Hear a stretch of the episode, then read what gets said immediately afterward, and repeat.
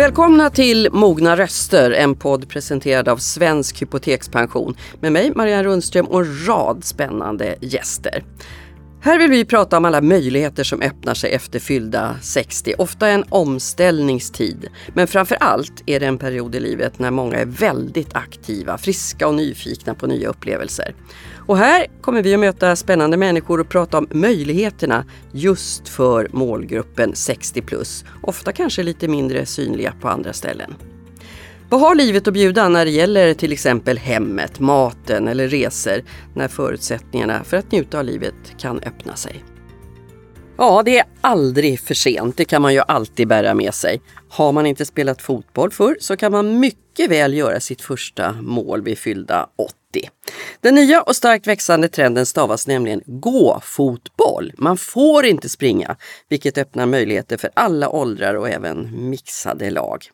Första kupperna börjar komma i Sverige nu. Ute i Europa är det redan stort, till exempel Danmark, Spanien, England. Och nu är det alltså dags för Sverige att hävda sig på plan. Välkommen Andreas Jonsson! Tack så mycket! Du är projektledare för Samhällsmatchen. Ja, det stämmer. Ja, det är stora möjligheter som öppnas här, men tog jag i när jag sa 80 plus? Absolut inte. Det är möjligt? Där får man också vara med. Jajamän. Ja. Finns det någon som har? Ja, det gör det. Vi har ingen i Hammarby och samhällsmatchen, men jag vet att det finns i andra klubbar. Mm. Ute i Europa som sagt var ganska stort sedan lång tid tillbaka, så nu börjar det också bli. Är det en ny trend här i Sverige nu? Ja, det hoppas jag verkligen. Vi gör allt vi kan för att det här verkligen ska växa. Mm. Och hur har det växt på kort tid? Ja, vi har på ett år gått från ja, när vi startade upp med kanske fem sex stycken till att ha över 30 nu. Så att eh, det går åt rätt riktning, mm. verkligen. Och man får alltså inte springa som namnet gåfotboll då signalerar. Vad, vad är det annars för regler som styr just den här sporten? Ja, vi får inte skjuta över höften, utan vi behöver hålla ner bollarna ner mot marken. Eh, ingen kroppskontakt, utan vi får, kroppskontakt får man ha men inga tacklingar. Eh, för att minimera fall och skaderisken. Eh, vi eh,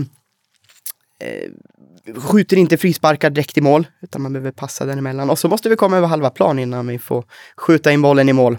Mm, ganska många steg att precis, gå. Men jag tänker så om man nu har spelat fotboll tidigare, jag tycker det måste vara så otroligt svårt att inte börja springa. Och det är just det de flesta upplever också. Det sitter så i ryggmärgen att man ska jaga den här bollen. Eh, men eh, när man ställer om, eh, tar ett djupt andetag, lugnar ner sig, tittar lite så, här, så går det alldeles utmärkt. Det, man får tänka till lite istället och ställa sig på rätt plats när man får bollen. Mm. Tittade faktiskt på någon sån här match, alltså det, det, ser väldigt kul ut, men också ganska jobbigt. Ja, det är det är man fler på plan blir det högre tempo och högre bolltempo. Man behöver ha lite bättre områdeskoll på vad man har sina med och motspelare. Och är man färre så får man ju gå mer med bollen så att det kan vara jobbigt på två olika sätt. Det låter som bra motion i alla fall. Ja, det är det. Jag brukar vara med och fylla ut och jag blir helt slut. Men, men har du någon koll på det där, alltså hur hälsobringande det är? Ja, det finns studier eh, som säger att det är ju ändå motion varje vecka. Så, så det är klart att det finns en hälsoförbättrande effekt i det hela. Eh, och jag märker på mina spelare att även om de kanske inte ser det själva så, så märker jag hur de får ett bättre flås och eh, verkligen förbättras. Mm. Även, inte bara som fotbollsspelare utan också rent konditionsmässigt. Mm. Mm. Nu är inte medelåldern 80 där som jag pratade om i början, alltså, men även för den som har kommit, alltså när man är 65, 70, 75 sådär, alltså, hur ser skaderiskerna ut? Men eftersom vi ändå undviker de närkamperna och så, så och, och är, vi är förlåtande mot varandra, vi är inkluderande och välkomnande, så är den låg. Det finns möjligheter i de äldre åldersklasserna att ta bort exempelvis att ha foten ovanpå bollen, vilket gör att man minimerar fallrisken och, och att komma i obalans. Mm. Så att jag skulle säga att den är låg. Jag nämnde ju som en, en fördel med det här också att man kan ha mixade lag. Men jag tänker hur funkar det där liksom? Gubbar som kanske har spelat liksom fotboll hela sitt liv, ända sedan grabbfotbollen och genom hela livet. Och så en, en kvinna som aldrig varit ute på en fotbollsplan mer möjligen snutit någon unge mm. emellan mm. matcherna. Nej, men det, det, är väldigt inkluderande. Alla får vara med. Men det är som du säger, att det kan, det kan kännas lite ensamt ibland. Eh, vi vill verkligen få fler kvinnor in i vårt gäng eh, och gärna att man kanske kommer ett helt gäng så att man har varandra. Eh, och tycker man inte att man kanske vill köra blandat så kan vi. Och finns ju möjligheten också att, att bryta ut och så kör man på två olika och så kan man blanda både och. Liksom. Vad har du för argument då? Hur skulle du få med mig på? Eller ut mig på plan? Åh, ja men Tycker du om att skratta? Ja. Ja. Tycker du om att promenera? Ja. Ja. Träffa nya kompisar? Ja. Ja, jag fattar var du är på Ja, väg. där har vi det. Det är ju allt det här du får. Ja. Eh, och vi har i nuläget 60 minuter, men det är 60 minuters skratt och gemenskap. Det är superroligt. Men alltså, ka- kan det liksom ta över från det här, vi ska vinna, vi ska vinna? Nej, ja, ja, både och. Men det finns också där. Det är klart att vi slänger också in en boll och så är vi två lag som tävlar om att eh, få den i mål. Så att eh, vinnarinstinkten finns hos många. Men eh, jag skulle ändå säga att glädjen och gemenskapen är i centrum. Det är en rätt häftig tanke att så här, vid 75 kan man vinna SM. Ja, det skulle man nog kunna. Ja, det är roligt. När vi får in det och kanske också på sikt. Du är starkt engagerad i Hammarby också. Är Ja. det här reträtten för Zlatan så småningom? Ja, han är välkommen att prova på. Det ser vi fram emot. Då ska jag också vara med. Eller hur? Ja. Tack snälla Andreas Jonsson för att du kom till oss. Tack så hemskt mycket för att jag fick komma.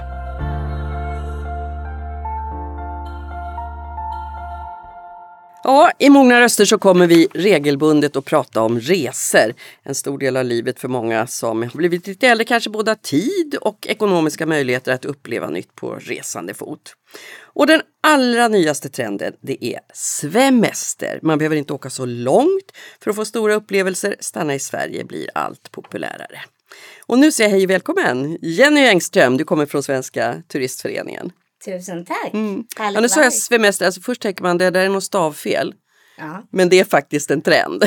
Det är en trend eh, och sen kan man ju paketera den under ett ord då. Men att vi märker att fler och fler utav oss som bor här i Sverige verkligen vill upptäcka vårt land. Mm. Stanna i Sverige räcker väldigt långt. Ja, absolut. Men alltså Sverige har ju alltid varit ett av de vackraste länderna som jag har varit i i alla fall. Nu är jag Ja. lite hemkär också. Men, men vad beror det på tror du att det just nu är så många som hakar på det här och svemestrar? Men dels så tror jag att både vi på Svenska Turistföreningen men också alla turoperatörer, alla, alla kommuner, destinationsbolag har blivit väldigt mycket bättre och på att berätta vad som finns på deras platser. Och såklart med sociala medier, man sprider sina små härliga tips runt om i Sverige. Och bara hashtaggen svemester då, som relanserades lite av SDF för två år sedan. Den har ju liksom, det är ju över 30-40 000 supertips där. Så där kan ju vem som helst gå in och vem som helst kan skriva. Så jag tror att det, men sen är det såklart att man, man bara känner så här, nu har jag upptäckt, nu har jag åkt på mina charterresor, nu har jag varit över hela världen för det har varit så otroligt billigt att flyga överallt. Och så tänker man så här, men gud, jag har inte upptäckt Sverige. Mm, Men vilken roll tror du den här klimatdebatten spelar? Jag tror att den tar, spelar stor roll. Jag tror inte att den kommer få oss att sluta. Jag vill inte att den ska få oss att sluta och resa och upptäcka nya kulturer. Men vi kanske inte gör det på varenda ledighet, varenda lov. Utan man tänker så här, nej men okej, då åker jag dit om fem år. Då sparar jag till den exotiska resan till den andra kulturen. Och så kanske jag tar mina små avstickare i Sverige istället. Det tror jag kommer bli det nya sättet. Jag gick jättemycket i fjällen när, när jag var ung framför allt. Ja. Och då var det ju jättemycket folk i fjällen. Då fick man verkligen, bo, om man skulle man bo på, på de stora stationerna fick man lov att boka det långt i förväg. Sen var det nästan folktomt på lederna ett tag. Men nu verkar det ju som fjällen har återupptäckts igen. Absolut, vi ser också den stora friluftstrenden. Det här med att man inte bara vill sitta still, man vill ut och upptäcka naturen. Eh, och det, det, det drar ju också, och sen så även om du är uppvuxen i ett par vandringskängor som vi brukar säga lite floskligt. Ja, det är jag. ja, så är det ju också så att nu ser vi ju sådana som inte är, till exempel jag är upp, uppvuxen i Stockholms innerstad. Hade aldrig ett par vandringskängor på mig när jag var liten. Men det har växt ett intresse. Man vill upptäcka och nu sticker jag ut och vandrar med mina tjejkompisar som aldrig har sett en vandringsled tidigare. Men jag är också uppvuxen nästan på ett liggunderlag. Alltså det där krypa in i tältet, sova obekvämt och det är så varmt som man dör på morgonen. Det där gör jag inte om faktiskt. Nej, och nu kommer jag svära lite i kyrkan eftersom jag jobbar på SDF. Eh, själv hatar jag att bo i tält. Man kanske nu har du sagt det. Nu har jag sagt det.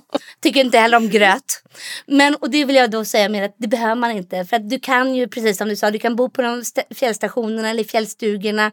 Eller på de små pensionaten som ligger längs lederna. Och bo och äta jädra bra och gott. Alltså det är tre rätter så det är lokala råvaror och hela, hela köttarongen. Och det är ju underbart. Mm. Men jag vill också slå ett slag för att man inte bara behöver åka till fjällen och vandra. Utan man kan även vandra i Alltså vi har ju massa ledare i Sverige som är helt fantastiska. Jag tänker just på det att egentligen så har man ju nästan var man än bor så har man något sånt där runt knuten. Jag har mm. ställe i Roslagen, där går Roslagsleden. Fantastiskt mm. vackert och mycket att upptäcka. Det finns väldigt mycket oerhört nära egentligen. Ja det gör det och jag vet inte, jag, jag brukar säga så här att det är lite kul att man vet, jag själv har otrolig beslutsångest var och uh, vad jag ska göra och vart jag ska åka. Men då brukar jag, har jag två små lekar, jag brukar slå en tärning. Då om jag liksom inte har så mycket tid. Och så, så åker jag, nu är vi i Stockholm när vi spelar in den här podden. Och så åker jag så många stationer med pendeltåget eller bussen eller vad du är. Och så hamnar jag någonstans. Och det är så himla bekvämt för mig för jag kan inte bestämma mig.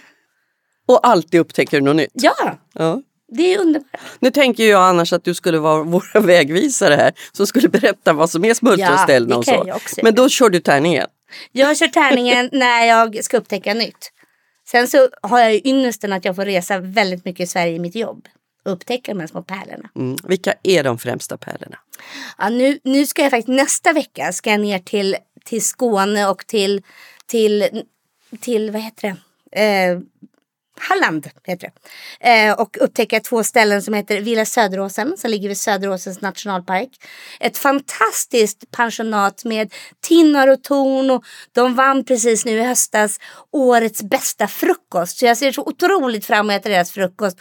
Och de har så här yoga retreat så det är bara härligskap. Och sen så dagen efter ska jag åka till något som heter eh, Vallåsens värdshus som ligger i Halland utanför Båstad. Och där är de så här magiskt härlig med maten. Så man kommer säkert gå upp tre kilo när man är där.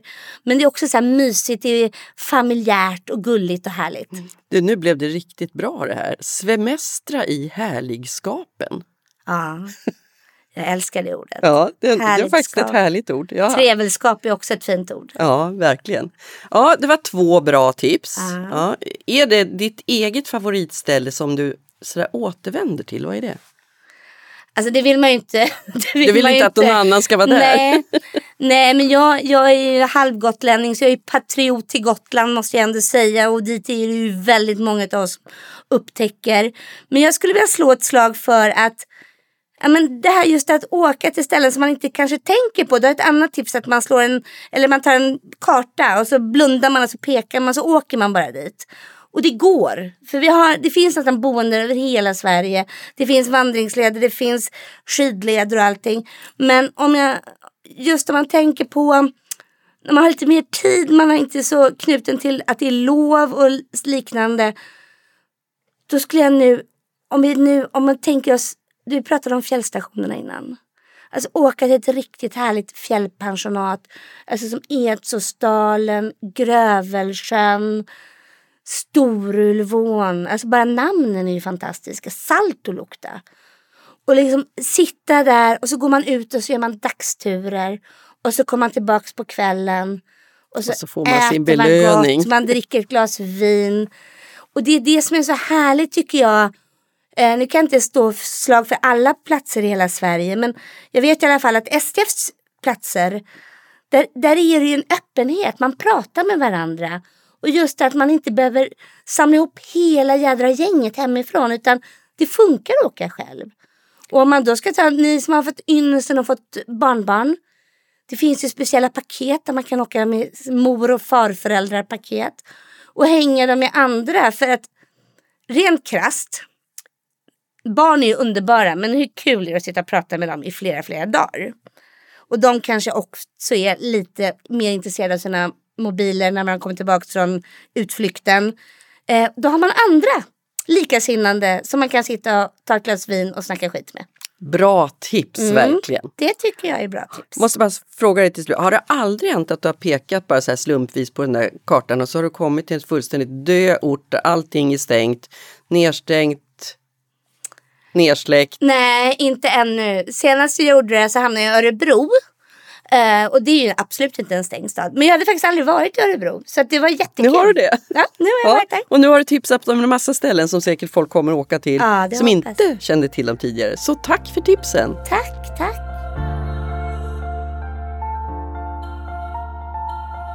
I den här podden kommer vi regelbundet att prata om en av de viktigaste delarna i ett gott liv, nämligen maten.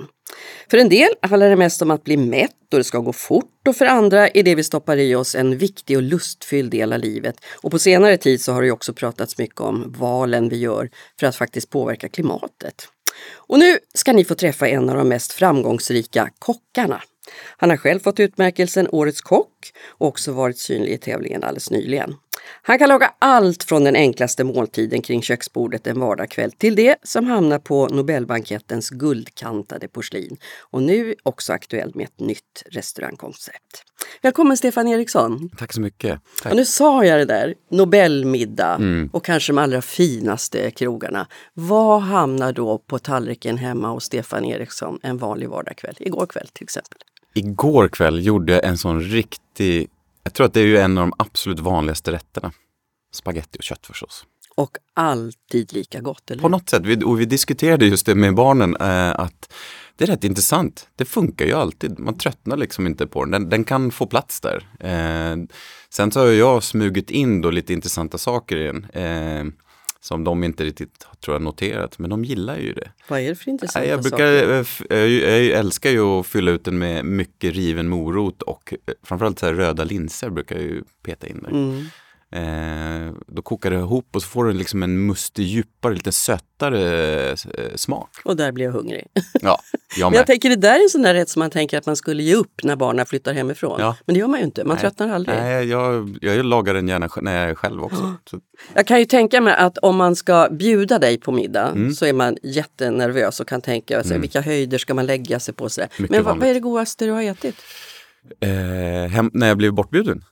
Eller ja, överhuvudtaget, vad är din älsklingsrätt? Ja, men det är det här som är så liksom missförstått tror jag av människor. Eh, generellt sett när man då bjuder hem en kock eller man träffar. Så vi, jag tror att generellt sett vi kockar, vi blir så glada när någon vill laga mat åt en.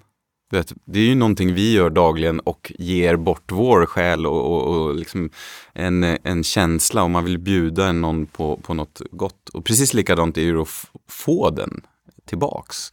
Så att jag, eh, Men står folk på liksom huvudet i köket när de, ska bjuda En- dig på middag? En del blir lite nervösa, eh, men jag tycker så här, kan, gör en nystekt strömming. Gud vad gott! Ja. Eller så här, en god macka med, som nu i julas. Skulle du bjuda mig på en skinkmacka med senap? Jag skulle jubla. Ja, men det är svårslaget också. Ja. Ja. Just nu så håller du på med ditt nya Mm. eh, restaurangkoncept också med råvaror med anor. Mm. Varför är det där med råvaror, ja, ni tjatar mycket om det måste jag säga. Ja, men alltså det är ju något, på jag har ju funderat jättemycket på vår historia med mat och vår, vårt kulturarv som liksom har försvunnit på något sätt. Alltså, det finns ju husmanskostdelen. Men råvarumässigt då, det, det liksom blir lite urlakat under tiden och det är lite svårt att hitta. Det försvann liksom där någonstans. Eh, och så dök det upp det här med ett, ett eh, programmet för odlad mångfald någon gång i början av 2000-talet. Eh, man samlade ihop massa fröer från eh, gamla kulturgrödor som kålrot och ärtor. Och man, vad fanns där ute för någonting? Hur såg genbanken ut på dem? Och så började jag inse att alla de här råvarorna har ju så unika smaker och egna karaktärer. Och plötsligt blev det ju så här, det är där vi har vår kultur på något sätt. Det finns ju där i. Och att då börja eh, odla upp de här igen, vi kockar kan börja laga de här igen. Kanske på ett annat sätt än man gjorde förr, men, men ändå, det blir någonting unikt. Och det är ju det som är spännande. Mm. Just i den här podden så vänder vi oss ju specifikt till 60 plus. Mm. Är det här med råvaror viktigare ju äldre man blir? Hmm, bra fråga. Jag kan väl säga så här, det, jag vet inte, både och. Jag träffar ju väldigt mycket unga kockar som är på väg upp nu och eh, på restaurangskolor och i tävlingar i matsammanhang. Och de är så nyfikna på råvaror och eh, alla har ju växt upp i olika tidsperioder och då har man ju eh, en annan närhet tror jag till råvaror. Det var ju liksom på ett annat sätt förr. Jag kan ju bara re reflektera över det jag såg när jag var lite yngre. Mot det som har hänt nu när det finns allting hela tiden, när som helst. Mm. Det gjorde det inte förr. Och den kunskapen som finns och eh, upplevelsen av det som man har eh, fått, det är, jag älskar den. Så jag älskar att prata med de som har varit med förr för att liksom få höra historierna och lära sig, suga åt av kunskapen.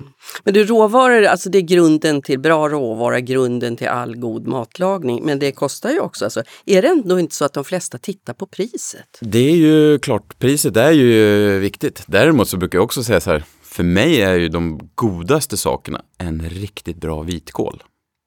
Det är inte jättedyrt. Vad gör du med den?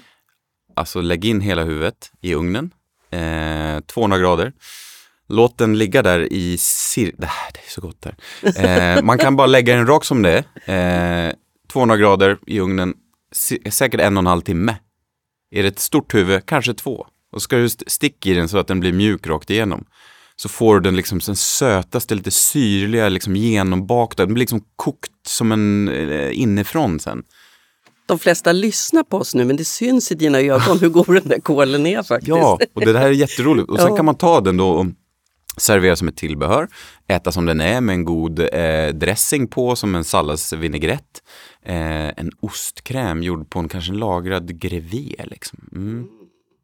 Vi är i tryffeltider nu för att också balansera upp. Om man vill jobba med så här lite enklare och eh, för mig nämligen har liksom råvaror, pris och smak. De hör ju liksom inte de hör inte riktigt ihop alltid. Utan de godaste grejerna, det är ju oftast som vi tänker på en, eh, en lammlägg. Det är ju godare än, och det har ju ett lågt pris. Men en, en kotlett, eh, en sadel från lammet har ju ett högt pris. Det är ju inte lika gott.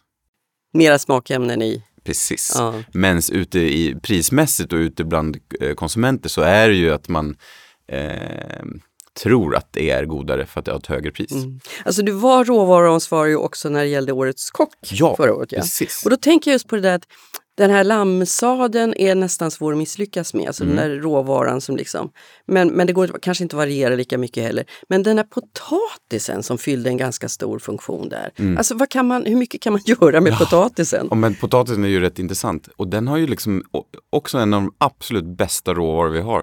Den är fantastiskt god, eh, lätt att få fram mycket av. Det har ett bra prisläge och det finns ju när jag var på potatismuseet eller potatisgenbanken i Peru här för två år sedan. 4500 sorter. Det är ju rätt spännande Mm. att börja utforska de här sorterna. Alla våra gamla kultursorter vi har eh, med så vit Jämtland och blå och äh, de heter ju någonting. eh, Blå Kongo. Den, Mm. underbar. Ehm, och då vände vi på hela steken och sa så här, nej, nu får potatisen vara huvudråvaran och sen får vakten serveras bredvid. Och så får potat, eh, potatisen få skapa då, kockarna får skapa texturer, smaker och lyfta fram potatisen då som en huvudråvara. Det där är ju tänk som också har kommit i och med att det, det är inte bara det ska vara gott och det ska vara bra råvaror, det ska vara hållbart också. Vi ska Precis. tänka på klimatet. Yes. Och där är ju ganska många som har slagit in på den där linjen just att köttet som förr var huvuddelen, det är nu tillbehöret. Mm, alltså. mm, mm. Det är ju ett sätt att göra på för att kanske balansera upp mängden lite. Eh, och det vet vi att man kan ju äta lite mindre kött utan problem. Eh, men samtidigt är det så här, jag tycker det absolut viktigaste ändå att tänka på den delen är att eh, fokusera på att hitta det, det bättre köttet. Just så att djuren får gått ute. Mm. När man lyssnar på dig nu så är det ju egentligen, alltså det, det är rätt enkelt, enkla råvaror Mm. och inte så himla tillkrånglat. Men din nya restaurangverksamhet Mm. kallas Restauranglabbet. Ja, Det låter ju urkrångligt. det skulle kunna vara det och det är det också. Däremot så det vi, eh, det vi är med restauranglabbet är en, eh, dels är vi en restaurang, en fysisk plats där man kan komma och äta och eh, ha det trevligt och få en god lunch eller en fika eller frukost. Eh, men sen är vi också en eh, innovationsarena och en, eh, ett levande labb där vi då mäter och testar och utför olika eh, projekt för att eh, driva på hållbarhetsfrågan inom restaurang och livsmedelsbranschen. Nu får du hjälpa oss med nästa middag och då Mm. ska det vara hållbart och gott och lättlagat och allt vad du vill. Okej, jag kör den här. Eh, och det här kan man säga vad man vill om, men jag har en rätt som heter allt från rivjärnet. Du vet det klassiska rivjärnet Ja. eh, med fyra sidor. Det finns en, en fin, en grov, en som man inte vet vad den är till för egentligen och en annan som man inte har någon aning om heller. Och så den där lilla muskotgrejen. Precis, som man säger, okej. Men man tar på, kanske på den grova sidan eller den fina sidan eller så blandar man. Och så river man massa grönsaker där. Eh, och så blandar man det med, med eh, riv alla grönsaker du har. Det är ju också ett bra sätt. Ta, ta tillvara allt det som råkar ligga i den där grönsakslådan. Ja, rensa kylen och så gör det som en här slags sallad som du smaksätter med någon god olja och lite någon syra som en vinägrett. Och kanske lite hackade örter eller torkade örter från sommaren. Ja. Är det färdigt? Ja, det, ja, du kan ju kanske bland Gotlandslinsen. Tänk om du kokar lite Gotlandslinser. Ni vet de här linsodlingarna som fanns på Gotland i många, många hundra år. Som ingen kom ha någon aning om. Men de är tillbaks. Eh, blanda i lite Gotlandslinser kanske. Det, Mm, Prova ät det. Nej men så här, prova ät det. Blir du mätt? Är det gott? Ja, då är det troligtvis en bra rätt. Det kanske är min, min signaturrätt. ah, jag vet det inte. kanske är en sån, en Tore Wretmansk, eh, Ja, ja, det kanske, här det kanske kan, kommer bli... Toe Skagen om 60 år. Ja, men jag, jag gillar nämligen så här, en del skulle säga så här, det där är inte, det, så kan man väl inte göra, eller det där är väl inte mat. Bara, Eller man blir inte mätt. precis, testa. Tänk, se Lovar. vad som händer. Lovar. Mm, Tusen tack för att du kom till Mogna Röster. tack.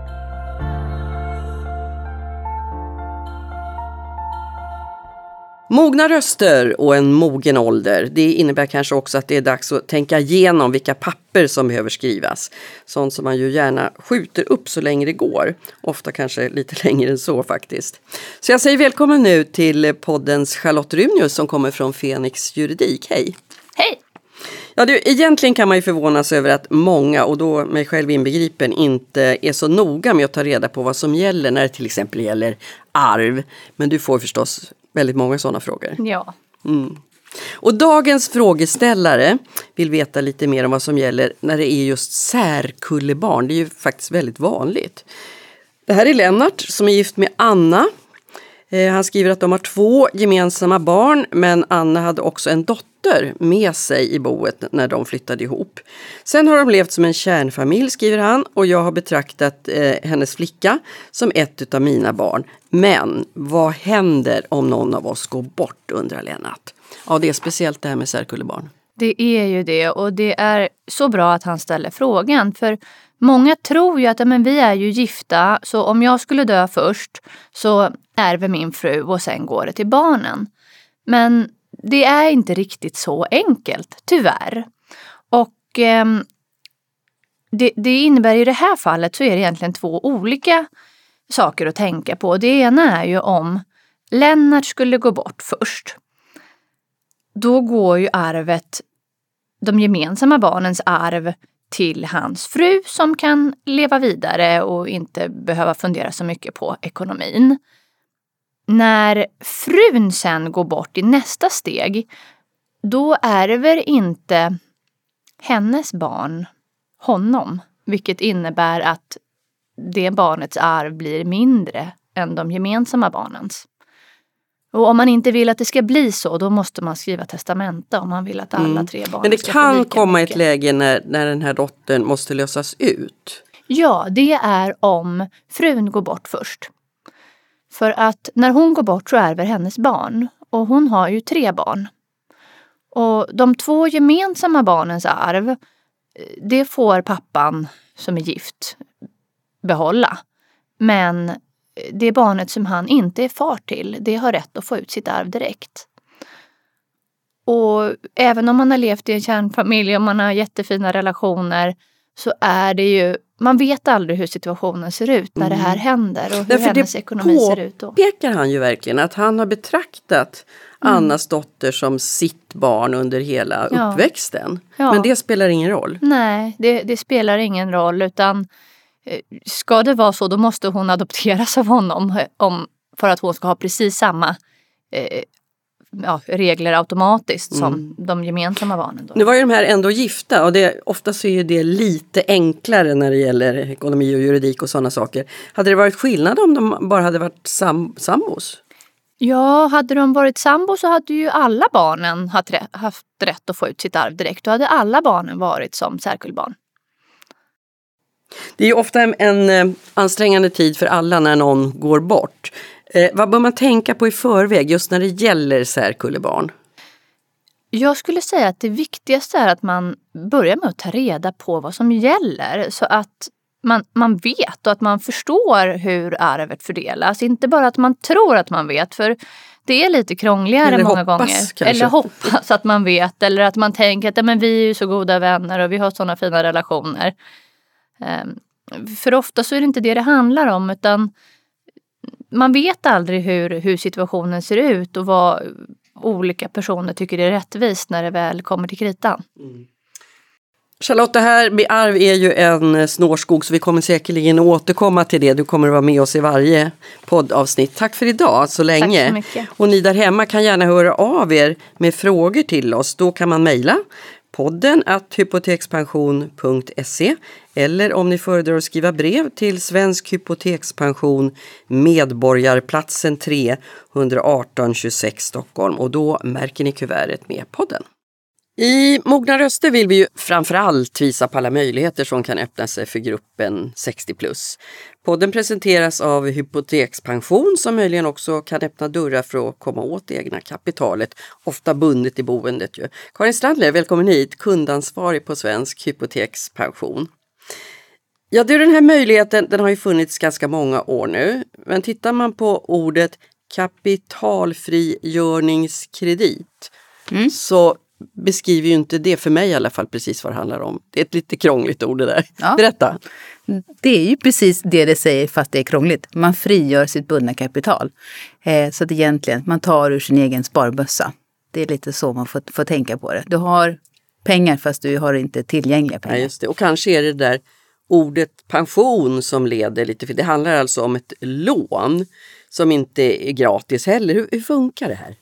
Ja, det är det som är skillnaden mellan traditionella när man pratar bolån idag. Då- är det ju ett lån där man betalar räntan varje månad och eventuellt en amortering.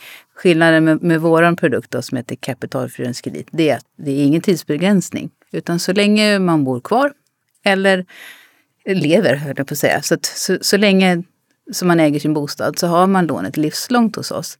Eh, Så det är det som är skillnaden också. Det är inga omförhandlingar, det är inga sluttider för ett lån, utan det är livslångt. Mm. Många får ju vidkännas det där när man går i pension att det, det var ganska stor skillnad mellan lön och pension. Vilka är det som kommer till Svensk Hypotekspension och söker lån? Ja, det är väldigt spridning på folk. Sen är det ju så att det är en, en eh, den vanligaste kunden har ju blivit en kvinna. Alltså det, det är trots allt så att de lever längre. Och man har ju ofta kanske jobbat deltid, haft lägre eh, inkomster och får en lägre pension. Bara det där att veta att det finns liksom en åtkomlig buffert, en slags trygghet, det, det behöver ju alla egentligen få känna. Men vad lånar man till? Det är också jättemånga olika varianter. Men den, den vanligaste har ju blivit nu eh, sin bostad. För vi märker att de som vi träffar vill bo kvar. De trivs i sitt hem och vill bo kvar och kanske renovera. Alltså det kan vara nödvändiga renoveringar. Det kan vara ett tak som måste repareras, men det kan också vara eh, att man vill reparera, renovera sitt kök och byta ut köksluckor. Inga, det, det är inte fråga om lyxrenoveringar hos våra kunder. Eh, det är ganska så modesta renoveringar, men för att få ett trivsamt hem. Så det är väl egentligen det vanligaste. Sen har vi många som känner att pensionen räcker inte till. Det går plus minus noll. Och det är ju deras egna pengar som sagt, även om det här blir som ett lån och det är ju inte gratis del. Vad, vad är skillnaden mellan det här och ett vanligt banklån? Det är ju det här med, med räntan. För vi ska säga det som du säger, det är ett lån. Så att man betalar ju tillbaka pengarna i slutändan. Så att, som vi sa, den dagen man säljer sin bostad, då ska ju lånet och upplupna räntor betalas. Så att ett traditionellt bolån, som vi säger, det är billiga, billigare räntemässigt. Men då måste man ju ut med det varje månad, betalningen. Plus att bankerna har blivit väldigt eh, hårda på att bevilja bolån. För man måste titta på sin återbetalningsförmåga.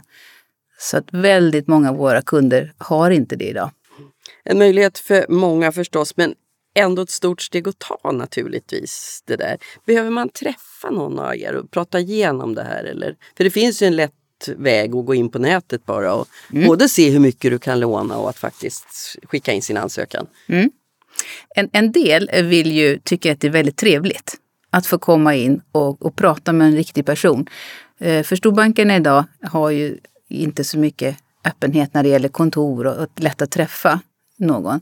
Så att, eh, en del vill ju absolut komma och träffa oss. Andra säger att jag klarar mig helt på det som jag kan läsa mig till. Eh, sen är det alltid någon person som träffar våran kund. Antingen är det jag som kundansvarig eller så är det en, en besiktningsman från Anticimex eller mäklare. Någon träffar kunden. Men eh, många tycker att det är trevligt att sitta ner. Tycker du prata. att det finns ett behov? Behöver de råd på vägen? Jo, vi ger ju inte råd så. Vi ger inte rådgivning. Men vi har ett samtal. Och vi pratar om också eh, mycket det här att man ska inte låna mera pengar än vad man behöver. Så det är också ett, ett råd kan man ju säga. Men att det blir ett, ett bra samtal. Så det tror jag många uppskattar idag, att man känner sig lite eh, bortglömd som äldre och bankkund. Tack ska du ha Karin Strandler och därmed så ska vi också säga tack och hej för den här allra första podden som presenteras utav Svensk Hypotekspension och det blir fler. Vi har pratat om den nya trenden gåfotboll, bra för både hälsan och för en social kick kanske. Restips kommer ni få i varje avsnitt av Mogna röster. Idag reste vi på svemester. Och så blir det middagslagning lite enklare med hjälp av stjärnkocken Stefan Erikssons goda tips också. Vi hörs igen! Mogna röster presenteras av Svensk Hypotekspension. Redaktör Jesper Tillberg, produktionsledare Malin Andersson. Jag heter Marianne Rundström och Mogna röster produceras av High Creatives.